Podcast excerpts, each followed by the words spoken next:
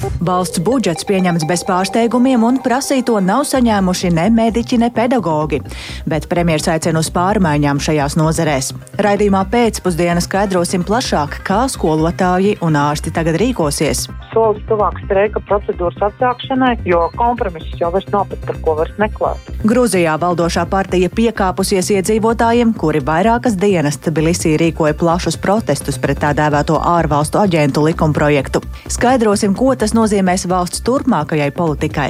Bet Latvijas Olimpiskā komiteja apturējusi finansējumu tenisistei Aļonai Ostāpenko un vēl vairākiem sportistiem, kuri komerces sacensībās sacenšas ar Krievijas un Baltkrievijas sportistiem. Arī par to pēc brīža plašāk skaidrosim redzījumā pēcpusdiena.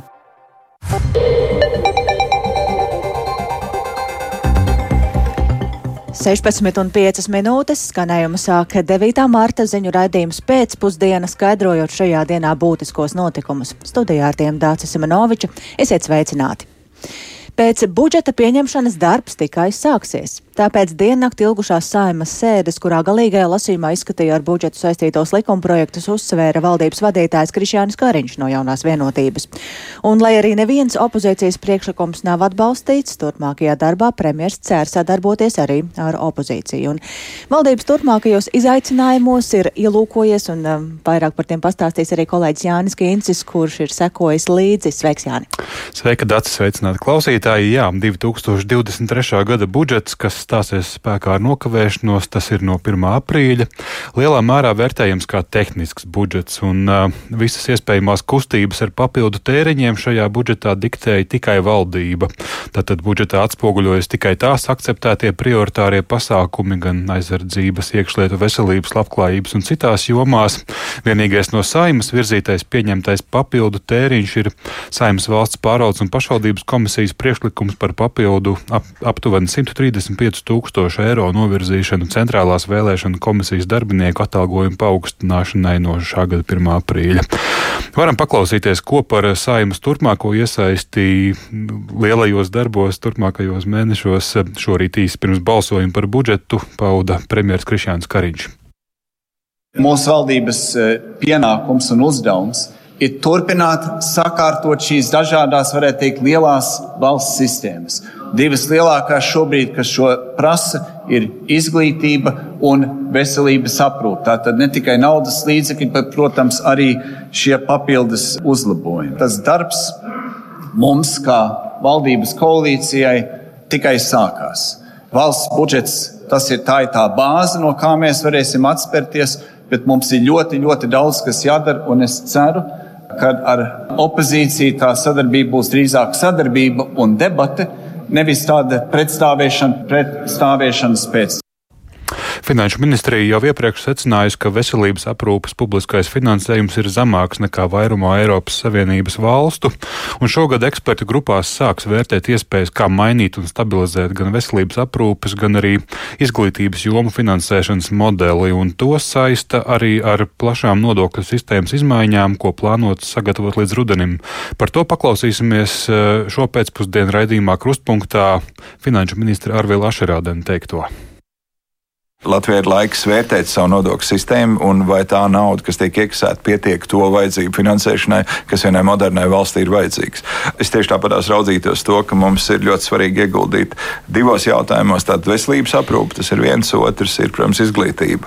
Viens ir izvērtēt esošo nodokļu sistēmu, kas būtu labojams vai sakārtojams tur, un otrs, tad mēs skatīsimies tādu politisko partneru piedāvājumu. No savas puses, ko es likšu galdā, ir ilgspējīga valsts veselības aprūpes finansēšana ieviešana, tad uh, pašvaldību finanšu izlīdzināšanas sistēma. Tās uh, diskusijas būs, un mēs plānojam, ka mēs pabeigtu šīs lietas oktobrī. Tātad tam būtu divas nozīmes. Viena ir iespējams relatīvi nelielas nodokļu izmaiņas, varētu būt jau uz nākamā gada budžetu. Ja būs plānotas masīvākas nodokļu izmaiņas, tad jau 25. gadā varētu būt nopietnākas pārmaiņas. Ministrs atzīst, ka nodokļu kontekstā sagaidāmas sarunas par darba, par darba spēka nodokļu mazināšanu, taču tad vienlaikus būs jāceļ kāds cits nodoklis. Un pēc Ašrādena domām veselības aprūpes sistēmas finansējuma uzlabošanai būtu izvērtējums arī Igaunijas modelis, kur veselības aprūpes, aprūpes budžetā maksā 13% no sociālā nodokļa. Latvijā šobrīd tas ir 1%. Tātad gaidāmās nodokļu izmaiņas ir turpmāko mēnešu viens no lielajiem uzdevumiem valdībai. Savukārt atsevišķās nozarēs trauksmi ceļ jau pašlaik. Jā, paldies Jānim Kincim un eh, par nozarēm, kurās ceļ trauksmi, tad jāteic, ka vienas no kaismīgākajām un eh, garākajām debatēm saimai pieņemot šī gada budžetu bija par finansējumu veselības nozarei, un tai šogad ir atvēlēti 1,6 miljārdi eiro, papildus piešķirti nepilni 86 miljonu eiro, tomēr ar to nepietiek, un mediķi jau iepriekš ir sacījuši, ka papildus ir vajadzīgi vēl aptuveni 220 miljonu eiro. Līdz ar to, ko tas tagad nozīmēs pacientiem? Plašāk Par to ir gatava stāstīt kolēģa Linda Spundiņa, kura mums šobrīd pievienojas telefoniski. Sveika, Linda! Un vispirms, cik tad daudz un kam šogad eh, veselības nozarē nauda tomēr būs? Sveika, Dārsa! Sveicināti klausītāji! Jā, kā jau minēji, veselības budžetam tie ir 1,6 miljardi eiro un varētu šķist, ka tā ir liela summa, taču nebūtu tā nav pietiekama, lai apmierinātu ilgstošās vajadzības nozarē un eh, kam tad nauda no šīs summas tiks. Lielākā daļa, 1,35 miljardi eiro, tiks novirzīti ambulatoriju un stacionāro veselības aprūpas pakalpojumu apmaksai. Tas ir ģimenes ārstu praksēm, laboratoriskiem izmeklējumiem, ārstu speciālistu sniegtajām konsultācijām, diagnostikai, neatliekamās medicīniskās palīdzības un plānveida medicīniskās palīdzības slimnīcā nodrošināšanai un kompensējumiem medikamentiem. 124 miljonu eiro paredzēti specializētajai veselības aprūpei, 59 miljonu eiro augstākajai medicīnas izglītībai, bet 15 miljonu eiro veselības aprūpes finansējuma administrēšanai un ārstniecības riska fonda darbībai. Vairāk nekā 11 miljonu eiro plānoti slimību profilaks un veselības veicināšanai, 32,3 miljonu eiro tiks novirzīti Eiropas struktūra fondu projektu un pasākumu īstenošanai, savukārt nozares vadībai paredzēti 5,6 miljonu eiro. Papildus nozarē šogad ir piešķirti 85,8 miljonu eiro, ko plānots pamatā novirzīt onkoloģijas pacientiem, tie būtu 30 miljonu eiro, bērniem un ārstniecības personu atalgojumam. Par papildu finansējumu ir paredzēts palielināt darba samaksu mediķiem, kas ir ārstiem tā pieaugs par 6%, māsām par 10% un māsu palīgiem par 16%. Nedaudz virs pacientiem, virs, nedaudz virs 5 miljoniem eiro būs personāla pieejamības uzlabošanai neatliekamās medicīniskās palīdzības dienestā. Dace? Jā, tas ir par to, kam nauda pietiks, taču mēs jau dzirdējām, ka visam nepietiks un kuras ir tās lietas, eh, jomas, kam nepietiks? Jā, nu, tiešām nauda daudz kam nepietiks, un jāpiemina, ka ņemot vērā Covid-19 laika piemaksu beigšanos, šogad būs par 500 miljoniem mazāks budžets nekā pērn. Veselības ministra Līga Mengelsona, kas delegēta no apvienotās saraksta, atzīst, ka veselība ieguvusi mazāk nekā tai pienākas, taču pateicis par lielu uz, uh, uzmanību veselības jomai debatēs par budžetu. Un uh, savukārt bijusī veselības uh, ministra Ilza Viņķela no attīstībai par saka, ka valdības izpratne par veselību pēc Covid-19 pandēmijas ir pilnīgi izzidusi, lai gan situācija veselības aprūpē ir tuvu dramatiskai. Pēc pandēmijas naudu nozarei vajadzēja atvēlēt vēl lielāku, jo neapmierinātās vajadzības ir uzkrājušās.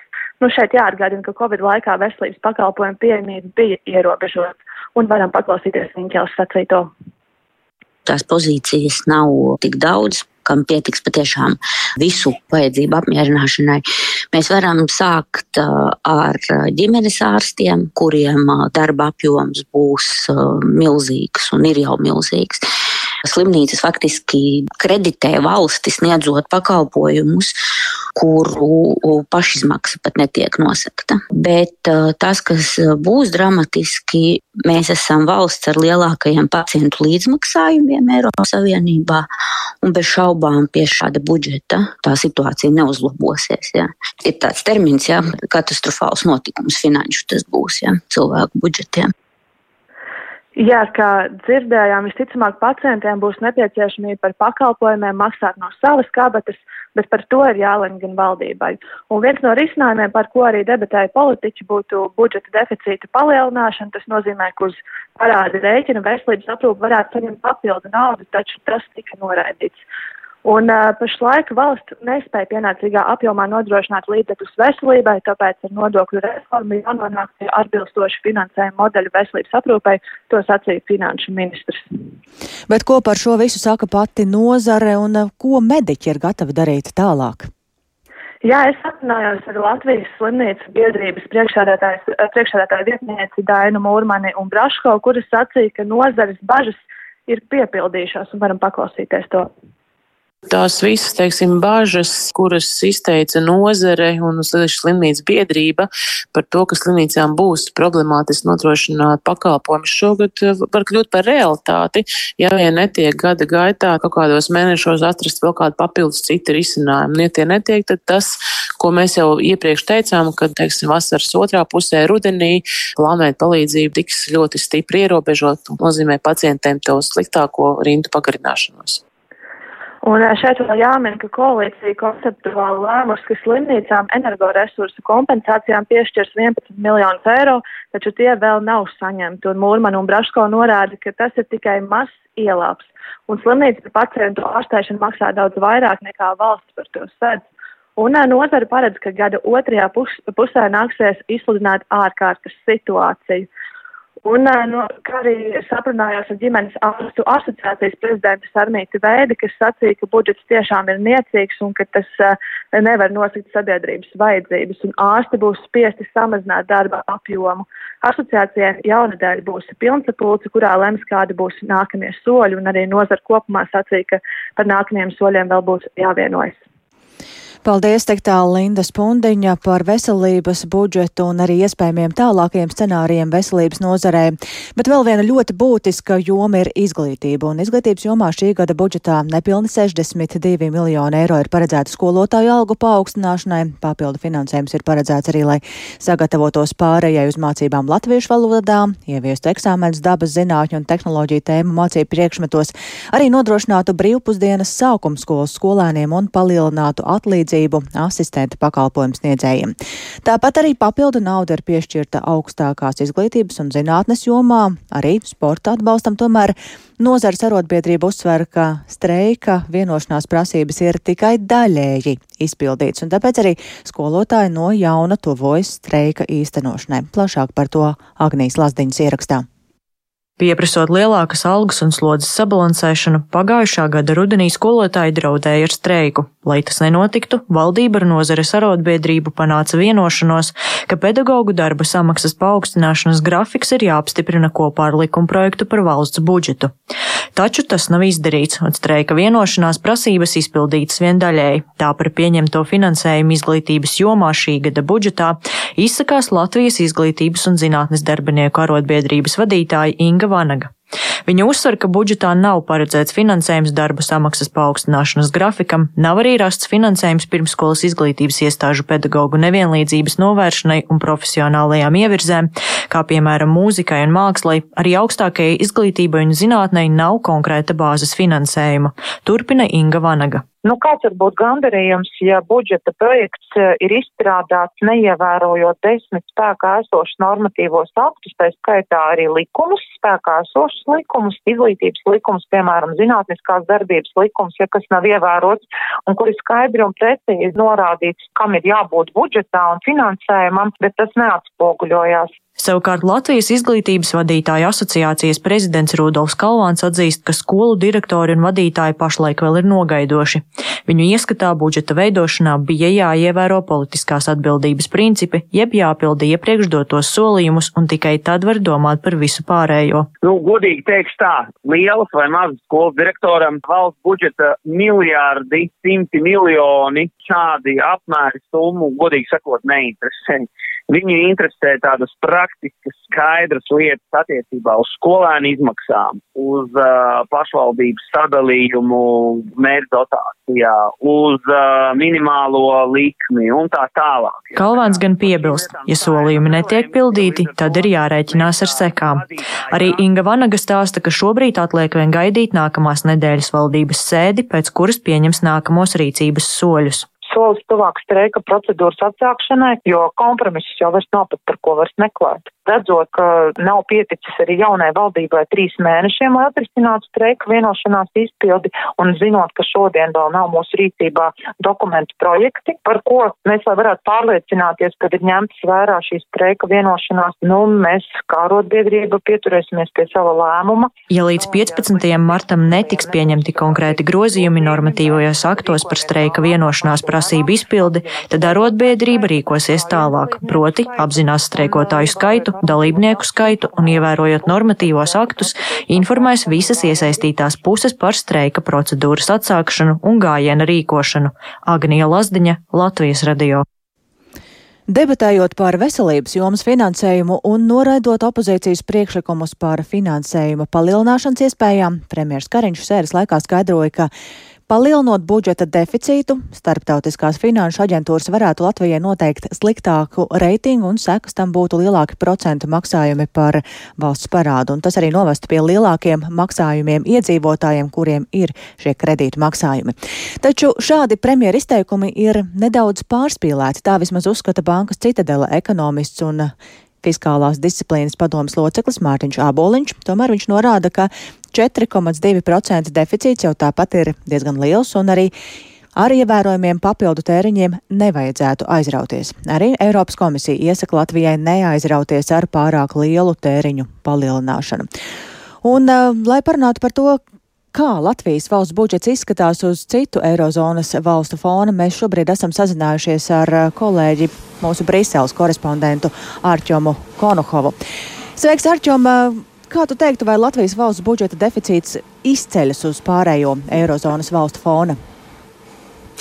Labdien! Es teiktu, ka Latvijas budžeta deficīts ir salīdzinoši liels. Tas, protams, nav lielākais Eirozonas valstīs, nebūtu ne lielākais, un arī mūsu parāda apjoms nebūtu nav starp lielākajiem. Tas tiek uzskatīts par vidēju vai vidēji zemu, aptuveni 45%. Tad, kā mēs zinām, Eirozonā pieļaujamais līmenis ir 60% no IKP, bet nu, ļoti daudzām valstīm tas ir krietni virs.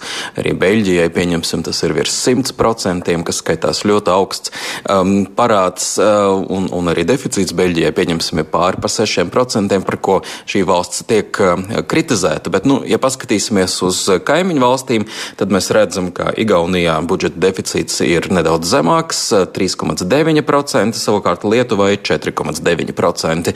Uh, tad, tad Latvija šobrīd ir kaut kur pa vidu starp šīm abām valstīm, un Lietuvas budžeta deficīts ir viens no augstākajiem starp Eirozonas valstīm, un to arī norāda ekonomists Mārtiņš Āboliņš, ar kuru es eh, runāju neilgi pirms ētera, un eh, runājot par premjeru izteikumiem, viņš saka, ka Nav tādas vienas skaidras līnijas, kas noteiktu, ka aiz šāda te, deficīta vai aiz šāda parāda sliekšņa notiek uzreiz kredītreitinga pārskatīšana, bet drīzāk ir jautājums par tādu ilgtermiņa politiku vai vismaz vidēja termiņa politiku un arī, protams, kam šie līdzekļi tiek tērēti. Paklausīsimies viņa sacītām. Ja teiksim, vēl pagājušajā gadā mums parāda apkalpošana izmaksāja zem 200 miljoniem gadā, tad um, 4-5 gadu perspektīvā pie šīm procentu likmēm tie varētu būt 600 miljoni eiro gadā. Tādēļ ar, ar papildus deficītu noteikti nevajadzētu aizrauties, vai no kurā ir tā, ka 10, 20 vai 30 miljonu klāt apdraudēt kredītu reitingu šodien, nu, droši vien, ka gluži tā nav, bet skaidrs, ka uh, nu, tiksim, tādā jau tirgus situācijā, kur mēs esam šobrīd, uz šiem faktoriem skatās daudz, daudz rūpīgāk. Tātad jāsaka, ka tik tiešām Latvijā budžeta deficīts pēdējos gados ir salīdzinoši liels, lielāks nekā tas ir bijis varbūt iepriekš pirms Covid pandēmijas. Šobrīd um, ekonomists iesaka, ka tomēr uh, padomāt, vai um, šie izdevumi arī parāda apkalpošanai, vai mēs varēsim viņus arī ilgtermiņā atļauties. Bet cik liela nozīme ir tam, kur un kam tērē budžeta naudu? Tam, protams, ir ļoti liela nozīme, jo ir tādi izdevumi, ko var tērēt viena, vienu gadu, un, un, un ir tādi izdevumi, kurus ieliekot budžeta bāzē, nāksies šo naudu atvēlēt katru gadu. Tāpēc tie ir ārkārtīgi svarīgi, vai tēriņi uzliek saistības arī nākamajiem gadiem. Un par to arī runā Eiropas komisija, sakot, ja tiešām, ka pieņemsim atbalstam iedzīvotājiem, lai nosektu elektroenerģijas rēķinus vai apkuras rēķinus, ka tam ir jābūt mērķētam un jāpalīdz tiešām visnabadzīgākiem cilvēkiem, kam to tiešām visvairāk vajag, un ka arī šīm atbalstam ir jābūt tādam, ko var, tad, kad viņu vairs nevajag, viņu var atcelt un arī šos izdevumus līdz ar to mazināt budžetā. Un, protams, ir arī ekonomisti, kuri uzskata, ka um, vajag, teiksim, aktīvāk tērēt, bet tērēt tādām lietām kā investīcijas, kas pēc tam palīdz ekonomikai attīstīties, un ka šī attīstība būs straujāka nekā parāda pieaugums. Ehm, tāpēc, bet, nu, protams, ir arī tie ekonomisti, kas saka, ka vajadzētu tomēr apdomīgāk rīkoties un nesteigties ar pārāk lieliem tēriņiem. Tā kā šeit ehm, ir divas skolas, kas ļoti lielā mērā arī savā starpā strīdās, vai investīcijas un kādas investīcijas un cik lielā apmērā ir vajadzīgas. Bet, nu, protams, skaitās vienmēr labāk labāk ir investēt, nevis vienkārši naudu tā teikt apēst.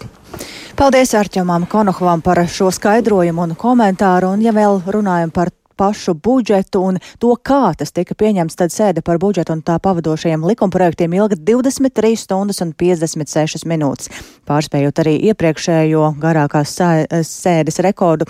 Un pats budžeta pieņemšanas process un tā ieilgšana lemjot par to arī izpelnījās plašu rezonanci sabiedrībā, sociālajos tīklos par to daudz neapmierinātības un arī neizpratnes, taču paklausīsimies, kā to vērtē Rīgas Stradiņa Universitātes politikas zinātnes katedras docente politoloģi Lelda Metla Rozentāle. No vienas puses, protams, ka var piekrist sabiedrības viedoklim, un uh, es arī zinu, ka jebkāds darbs naktī, ko es mēģinu darīt, protams, ka nav tik uh, produktīvs vai tīpaši uz rīta pusi vairs tik kvalitatīvs, kā tam vajadzētu būt. Bet no otras puses jautājums ir, protams, par to, vai ja šīs sēdes, piemēram, tiktu izstieptas desmit dienu garumā, rezultāts būtu vienīgi tas, ka mēs pēc desmit dienām šo budžetu būtu apstiprinājuši, bet principā mēs saprotam, ka koalīcijas vairākums šo budžeta paketi atbalstīja. Līdz ar to faktiski bija skaidrs, ka vienalga, vai mēs balsojam šonakt pēc 24 stundām vai pēc 10 dienām, opozīcijas diskusijas nekādā veidā neietekmēs šī balsojuma rezultātu. Otrs jautājums ir par to, kā vispār notiek šī miedarbības ar pozīciju un opozīciju, un varētu teikt, kāpēc mēs absolūti neieklausāmies opozīcijā. Bet jāsaka, arī pati opozīcija tomēr demonstrēja diezgan lielu tādu akcentu uz um, populismu, uz uh, runāšanu, uz to, kāds sabiedrības segments grib dzirdēt. 206 priekšlikumi, tātad nenormāli garas debates, Patiesībā daudz varbūt mērķiecīgāk būtu, ja visi opozīcija spētu saliedēties un izvirzīt, piemēram, kādus trīs, četrus vai piecus visiem kopējus opozīcijas priekšlikumus ļoti stabilus kur tiešām tad tiktu ļoti argumentēti viņi nopamatoti un būtu ļoti grūti no koalīcijas partneru puses, nu, izskaidrot, kāpēc mēs neieklausāmies opozīcijā. Bet šeit šie 206, kas ir par turismu, par latviešu valodas mācīšanu tiem, kas to neprot, par dzīvokļu un būvniecības jautājumiem, par pienu un tā tālāk un tā tālāk, nu, ir skaidrs, ka vienmēr nauda ir ierobežotā daudzumā, vienmēr ir dažādas sadalas iespējas, bet vairākums tie, par kuriem vēlētāji vēlēšanās bija nobalsojuši visvairāk, kuri atrodas koalīcijā, tie arī pieņēma šo lēmumu, kas pārstāv viņu vēlētāju grupas viedokli, un viņi ir pilnvaroti to darīt. Tāds tātad politoloģis Leldes Mētles Rozantāls vērtējums par diennakti garo sēdi, un vēl paturpinot par budžetu minimālās pensijas un valsts sociālā nodrošinājuma pabalsti palielināsies, jo līdz ar budžetu atbalstīt arī likuma grozījumi, kas paredz no 1. jūlija minimālo ienākumu slieksnis nav zemāks par 20% no vidējiem ienākumiem. Un šos sliekšņus pārskatīs katru gadu janvārī. Tiesības sarga birojas un sociālo darbinieku biedrībā gan norāda, ka šis Pieaugums nav proporcionāls esošajai ekonomiskajai situācijai, un par to plašāk Sintīs Ambotas ierakstā. Jaunā minimālā ienākumu sliekšņa noteikšanas kārtība pozitīvi ietekmēs ap 100 tūkstošu iedzīvotāju ar zemiem ienākumiem, jo celsies gan mazākās pensijas, gan mājokļa pabalsts, gan garantētais minimālais ienākums. Iepriekš norādījusi labklājības ministre Evika Siliņa no jaunās vienotības. Un mainīsies gan metode, kādā noteiks šos sliekšņus, gan arī veids, kādā tiks pārskatīti minimālā ienākuma sliekšņi. Šobrīd tos pārskata reizi trijos gados. Turpmāk tas būs piesaistīts pie mājasemniecības vidējiem ienākumiem Latvijā un tiks noteikts garantētais minimālais ienākums 20% apmērā no šiem sliekšņiem. Pārskatīsim reizi gadā. Minimālo ienākumu sliekšņu apmēri ir atšķirīgi dažādām sociālām grupām. Tiek piemēroti dažādi koeficienti, kā arī tas var būt atkarīgs no cilvēkiem noteiktās invaliditātes grupas un nodarbinātības. Valsts sociālā nodrošinājuma pabalsta zemākais atbalsta apmērs pieaugs no esošajiem 109 eiro līdz 125 eiro. Tikmēr saskaņā ar tiesību sarga atzinumu pārtikai mēnesī būtu nepieciešama vismaz 180 eiro. Saimas diskusijās par budžetu opozīcija rosināja pabalstu aprēķinu bāzi bāzi palielināta, bet priekšlikums atbalstu neguva. Savukārt Tiesības sarga biroja sociālo, ekonomisko un kultūras tiesību nodaļas vadītāja Ineta Rezevska vērtē, ka minimālo ienākumu sliekšņa apmēru ik gadu būtu jāpārskata februārī, nevis janvārī, kā noteikts reformā. Mēs saprotam, ka 1. janvārs nav gluži labs, tāpēc, ka februāra beigās jau ir svaigāki statistikas dati, tātad jau par gadu jaunāki, un iedzīvotāji interesēs būtu, ka šis lielums tiktu rēķināts no jaunākiem statistikas datiem, jo šobrīd, ir uz 1. janvāri katru gadu mainīsies, tad tiek ņemti vērā jau divus gadus seni dati, kas, nu, ņemot vērā inflācijas līmeni šobrīd, ik, ik katrā gadā neatbilst jau ar faktiskai realitātei, bet šobrīd vēl jau stāvīgāk. Sociālo darbinieku biedrības valdes priekšsēdētāja Una Lapskalna norāda, ka minimālā ienākuma sliekšņa celšana valstī pēc būtības ir pozitīvs signāls, taču ar aprēķinātajām summām personai pat laba nevar pietikt iztikai. Nu, par 125 eiro, kad mēs ieejam veikalā, cik daudz mēs varam iegādāties. Un cilvēkam par šo te ir jāpērk medikamenti, jānodrošina transports, apģērbs, pārtika mēneša garumā. Protams, ja cilvēks ir šī minimālā pabalsta saņēmējs, tad ir lielākoties no izdevumiem, kas saistīts ar mājokli, arī sēdz sociālais dienas. Bet par 125 eiro pirmai personai cilvēks izdzīvot nevar. Un tādu cilvēku ir ļoti daudz, it īpaši, ja mēs skatāmies skatāmies, tātad tās ir personas ar invaliditāti, kuriem iekļauties darba tirgu ir samērā sarežģīti. Tās ir um, mammas un tēti, kas audzina bērnus vien. Visu minimālo ienākumu sliekšņu palielināšanai valsts budžetā rastais papildu finansējums šogad ir 10,4 miljoni eiro, bet nākamgad tam būs nepieciešams jau vismaz divreiz lielāks apmērs. Labskalna aktualizēja arī Labklājības ministrijas mērdotāciju trūkumu sociālajiem darbiniekiem, jo biedrības ieskatā šobrīd ir katastrofāla situācija ar darbinieku trūkumu, ko radīja gan pandēmijas laiks, kurā darbinieki izdeguši, kā arī slodzi krietni palielināja patvērumu meklētāji no Ukrainas.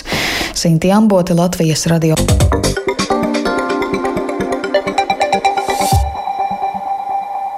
Par notikumiem citviet pasaulē šonakt notika plaši uzbrukumi Ukrainai. Krievija īstenojusi forsētu raķešu triecienu Ukrainai, nodarot postījumus Kijivā, Vivas, Harkivas un Odesas apgabalos, un daudz viet ir cietuši enerģētikas infrastruktūras objekti, tāpat arī bojāta pēdējā elektrolīnija, kas piegādāja elektroenerģiju Zaporīžas atomelektrostacijai, un šobrīd stacija darbojas ar dīzeļģeneratoriem. Kā sacījis Ukrainas bruņoto spēku gaisa spēku pārstāvis Krievija triecienā Ukrainā izmantojusi plašu ieroču un raķešu klāstu no praktiski visa, kas ir tās rīcībā. Tikmēr Krievija ir paziņojusi, ka šīs dienas uzbrukums esot reakcija uz Ukrainas it kā organizētajām teroristiskajām darbībām 2. martā Brianskas apgabalā. Plašāk Rihards Plūme. Krievija šorīt Ukrainai uzbruka ar 81 raķeti, no kurām 34 Ukrainai izdevās notriekt. Iebrucēji uz Ukrainas pilsētām raidījuši zenīta raķetes, dažāda veida aviācijas raķetes, dažāda veida spārnotās raķetes, vairākus Irānā ražotos dronus un arī sešas balistiskās raķetes Kinžal. Kā skaidrojas Ukrainas bruņoto spēku gaisa spēku pavēlniecības pārstāvis Jurijs Ignats, šodienas uzbrukums bija liels un Krievija šāvusi ar visu, kas tai ir.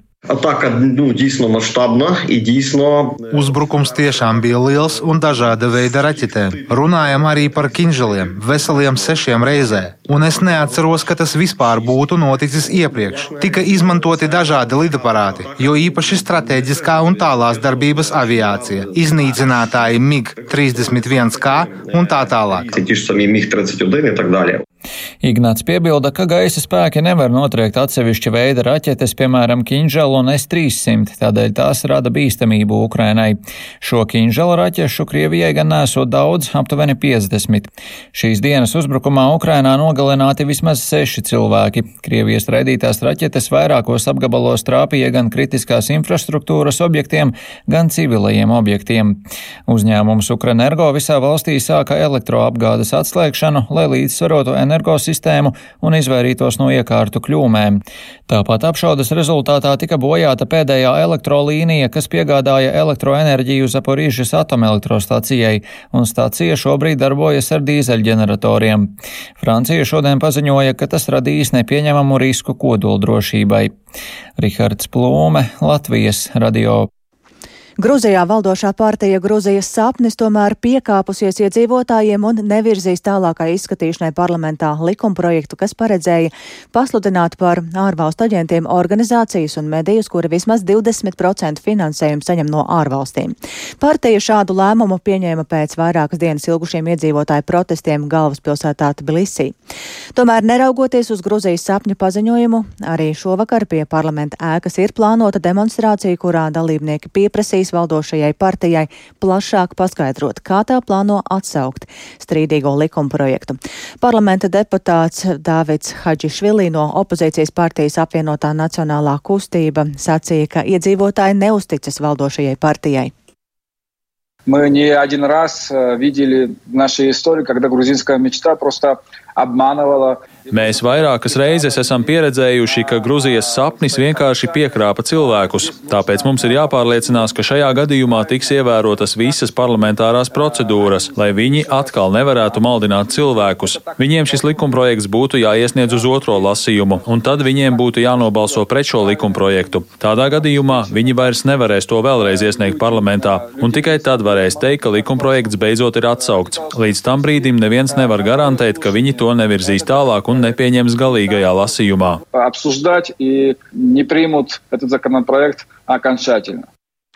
Tā parlamenta deputāts Hadžis Švilīs sacīja intervijā raidsabiedrībai Current Time, un šajā brīdī esam sazinājušies ar politologu Kārli Daugštu. Labdien! Sveicināti! Ko jūs teiktu, ko šāda valdošās partijas piekāpšanās nozīmē Gruzijas iekšpolitikai, un vai var teikt, ka spriedz valstī ir atrisināta?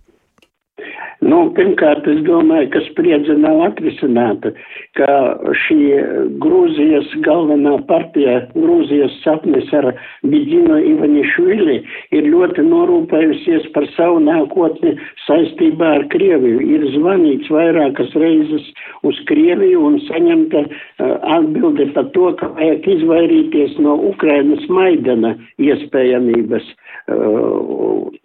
Grūzijā un sevišķi Tbilisi. Tāpēc jāsaglabājot, esot jādod kaut kāds nomierinošs pat labam signāls par to, ka, lūk, piekāpšanās notikšot, līdz ar to arī Salomē uh, Zurabašvili valsts prezidente, kur atrodas Amerikas Savienotās valstis, apsolījusi ir uzlikt veto šiem likumprojektam, kaut gan tas, protams, neko nedod, to var pārvarēt parlaments. Bet ir vēl viens apstākļus, kurš, manuprāt, ir ļoti bīstams, ja runājam par nākotni. Es domāju, ka, lai novērstu uzmanību no vispār no šī e, jautājuma par to, ka tas absolūti apturēs Grūzijas virzību Eiropas virzienā, šie, šāda likuma pieņemšana, e, ka tas nu, var radīt pat laban mēģinājumu saspīlēt atmosfēru ap Dienvidosetiju un pārējām, tā sakot, pārējām teritorijām, radīt kaut kādus militārus saspīnējumus, lai novērstu uzmanību.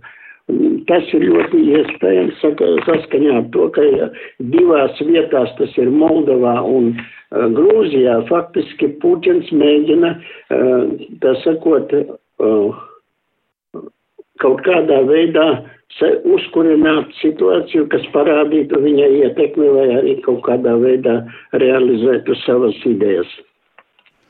Tā tad šīm reģionam būs jāseko līdzi arī turpmāk no jūsu teiktā, es saprotu. Es, es domāju, ka noteikti Moldova un Grūzija pat labam ir kļūs par tādu kā lakmusa papīru tālākai Krievijas agresijai un agresivitātes izpausmēm. Manuprāt, ka Grūzija ir viens no tiem punktiem, kur ļoti nopietni, nopietnas Krievijas intereses ir saistītas, jo tas ir Ziemeļa Kaukās, turpat blakus ir tā sakot, visas strateģiskās vietas ar Armēniju un e, Ziemeļkaukās un tā tālāk. Tur ir ļoti sarežģīta e, ģeopolitiski un strateģiskā situācija. Krievijai šeit nedrīkst zaudēt, un viņi mēģināt, viņu mēģinājums no iekšpuses uzspridzināt Grūzijas sabiedrību, tas ir mēģinājums, kurš, protams, var radīt ļoti lielas un daudzas sekas. Paldies! Mēs dzirdējām politologa Kārla, Kāļa Daugšta komentāru un skaidrojumu par notiekošo Gruzijā. Un mēs tālāk atgriežamies vēl Latvijā, pievēršamies sporta notikumiem, un Olimpiskā komiteja ir sākusi īstenot izglītības ministres ideju apturēt finansējumu sportistiem, kuri komerc sacensībās sacenšas ar sportistiem no Krievijas un Baltkrievijas. Atbalsts ir atņemts riteņbraucējiem Tomam Skuiņam un Kristam Neilandam, tāpat arī tenisistei Haļonai Ostapenko un vēl arī divām tenisistēm. Ostapenko gadījumā tie ir 1700 eiro, Skuiņam 300, bet Nēlandam 200 eiro. Un šāds lēmums ir pieņemts saskaņā ar Latvijas Olimpiskās komitejas un Izglītības un zinātnes ministrijas savstarpējo līgumu. Šobrīd man studijā pievienojas kolēģis Māris Bergs, un viņš zina situāciju skaidrot plašāk. Sveiks, Māri, kā uz šādu rīcību reaģējusi sporta sabiedrība? Sveika, Dārcis! Sveicināti arī klausītāji. Nu, sporta sabiedrība šī situācija, jebkurā gadījumā, nav paskrējusi garām, un savu viedokli par noti notikušo ir izteikuši ļoti, ļoti daudzi. Lielākoties viedoklis par šo rīcību ir kritisks. Um, šo rīcību arī tātad saucot par tūredzīgu, par muļķīgu un gluži vienkārši par pilnīgi stulbu. Pēc būtības šajā gadījumā tiek ieviestas sankcijas pašiem pret saviem sportistiem, lai gan Ukraina saviem sportistiem neliedz piedalīties vienās sacensībās kopā ar Krievijas un Baltkrievijas sportistiem. To mēs arī regulāri redzam te tenisā, kur ukraiņu spēlētāji spēlē pret krieviem un pret baltkrieviem. Nu, galu galā Aļona Stapenko, viena no sodītajām sportistēm, viņa dubultspēlē piedalās kopā ar ukraiņas tenisisti Ludmilu Kičēnaku. Nu, katrā ziņā kritika šeit ir ļoti, ļoti daudz, un tā veltīta gan Latvijas Olimpiskajai komitejai, gan jo īpaši kritika ir veltīta tieši izglītības un zinātnes ministrei. Nu, vārdi skarbi, ko saka paši sportisti? Mēs ar sportistiem šodien sazvanījāmies. Mums kopā ar kolēģi Mārtiņu Kļavinieku izdevās sazvanīt abus riteņbraucējus, kuri ir iesaistīti šajā jautājumā. Gan Toms Skuiņš, gan Kristis Nēlans šobrīd atrodas sacensībās ārzemēs. Ko tad uh, Toms Skuiņš teica? To mēs varam paklausīties turpinājumā. Viņam uzsverot, ka ir ļoti daudz neskaidrību. Šobrīd ir tāda situācija, ka neviens neko īsti līdz galam. Attiecīgi, ja mēs uh, pie tiem līdzekļiem un tad, ko tas nozīmē, no saviem līdzekļiem uz pasaules čempionātu, Eiropas čempionātu, vai vispār mēs drīkstam braukt, vai mēs vispār drīkstam izlasēt piedalīties. Tās izlases vilīs ir slēgtas, ja ir slēgtas uz cik ilgu laiku. Man ir vairāk jautājumu, kā atbild šajā brīdī. Tā situācija ir diezgan interesanta. Vienīgais, par ko esmu priecīgs, ir to, ka pasaules čempionāts ir augustā, un es pieņemu. Līdz tam varbūt būs kaut kas skaidrāks. Arī otrs Latvijas iesaistītais riteņbraucējs tieši šajā gadījumā Kristis Nēlants atzīst, ka viņš neizprot šādu rīcību, jo sportisti dara savu darbu. Savukārt funkcionāriem un citām amatpersonām uzmanība būtu jāvelta tam, lai Krievus un Baltkrievus diskvalificētu no tām sacensībām, kur viņi joprojām var piedalīties. Tātad gan tenisā, gan riteņbraukšanā, bet tagad klausāmies Kristu Nēlandu. Jā, man liekas, ka tas nav galīgi nav risinājums, kad uh, mūsu valdība ķeras pie mūsu pašiem sportistiem klāt. Mēs paskatāmies uz uh, to pašu Ukrainu, kur galīgi neliedz saviem sportistiem startēt sacensībās, kur pat arī startē Krievijas un Baltkrievijas sportisti un vēl pēc tam zem neitrālu karogu, tad eh, kāpēc mūsu valdībai kaut kas jāizliedz mums pareizi. Un man liekas, ka eh, tieši tā mūsu valdībai nevajadzēs ķerties mums klāt, bet viņiem vajadzēs ķerties klāt tām sporta organizācijām, kas, piemēram, ir tas pats mūsu ikdienā ir Rucija. Mana komanda ir mans darba devējs, tas ir mans darbs, tas ir kā stāv un to ko, ko man izdarīt. Latvijas Riteņbraukšanas federācija jau iepriekš sazinājusies ar Ukrainas Riteņbraukšanas savienības kolēģiem un taujājusi viņu viedokli jautājumā par startēšanu kopā ar Krieviem un Baltkrieviem. Tagad klausāmies Latvijas Riteņbraukšanas federācijas ģenerālsekretāru Tomu Marksu. Vismaz tas, ko saņēmām atbildes vēstulē no Ukraiņas riteņbraukšanas savienības, bija pavisam viennozīmīgi, ka viņi šobrīd turpinās piedalīties arī šajās saucamajās komerces sacensībās. Protams, ka viņiem nav nekāda prieka, un arī mums nav nekāda prieka startēt kopā ne ar krieviem, ne ar baltkrieviem. Bet no otras puses, atkal, ja mēs nestartēsim šajās sacensībās, tad arī iespēja kvalificēties uz Olimpiskajām spēlēm ir lieta. Tad arī iespēja startēt pasaules čempionātos, savā kvotas attiecīgi un piedalīties pasaules čempionātos ir lieta. Nu, līdz ar to viss aiziet pa ķēdīti. Un arī Ukraiņi to saprot. Tālūk stāsta Latvijas Riteņbraukšanas federācijas ģenerālsekretārs Toms Marks nu, gana daudz eh, tādas eh, neizpratnes, bet ko tu teiktu, vai šie ir pirmie sportisti vai arī uz citiem tas varētu nākotnē attiekties? To mēs redzēsim. Eh, Olimpiskā komiteja sola risināt šo jautājumu, lai sportisti tomēr varētu tikt pie sava finansējuma. To mēs redzēsim, kā tas viss atrisināsies. Iespējams, tiks ieviestas kādas juridiskas izmaiņas vai būs kādi citi soļi.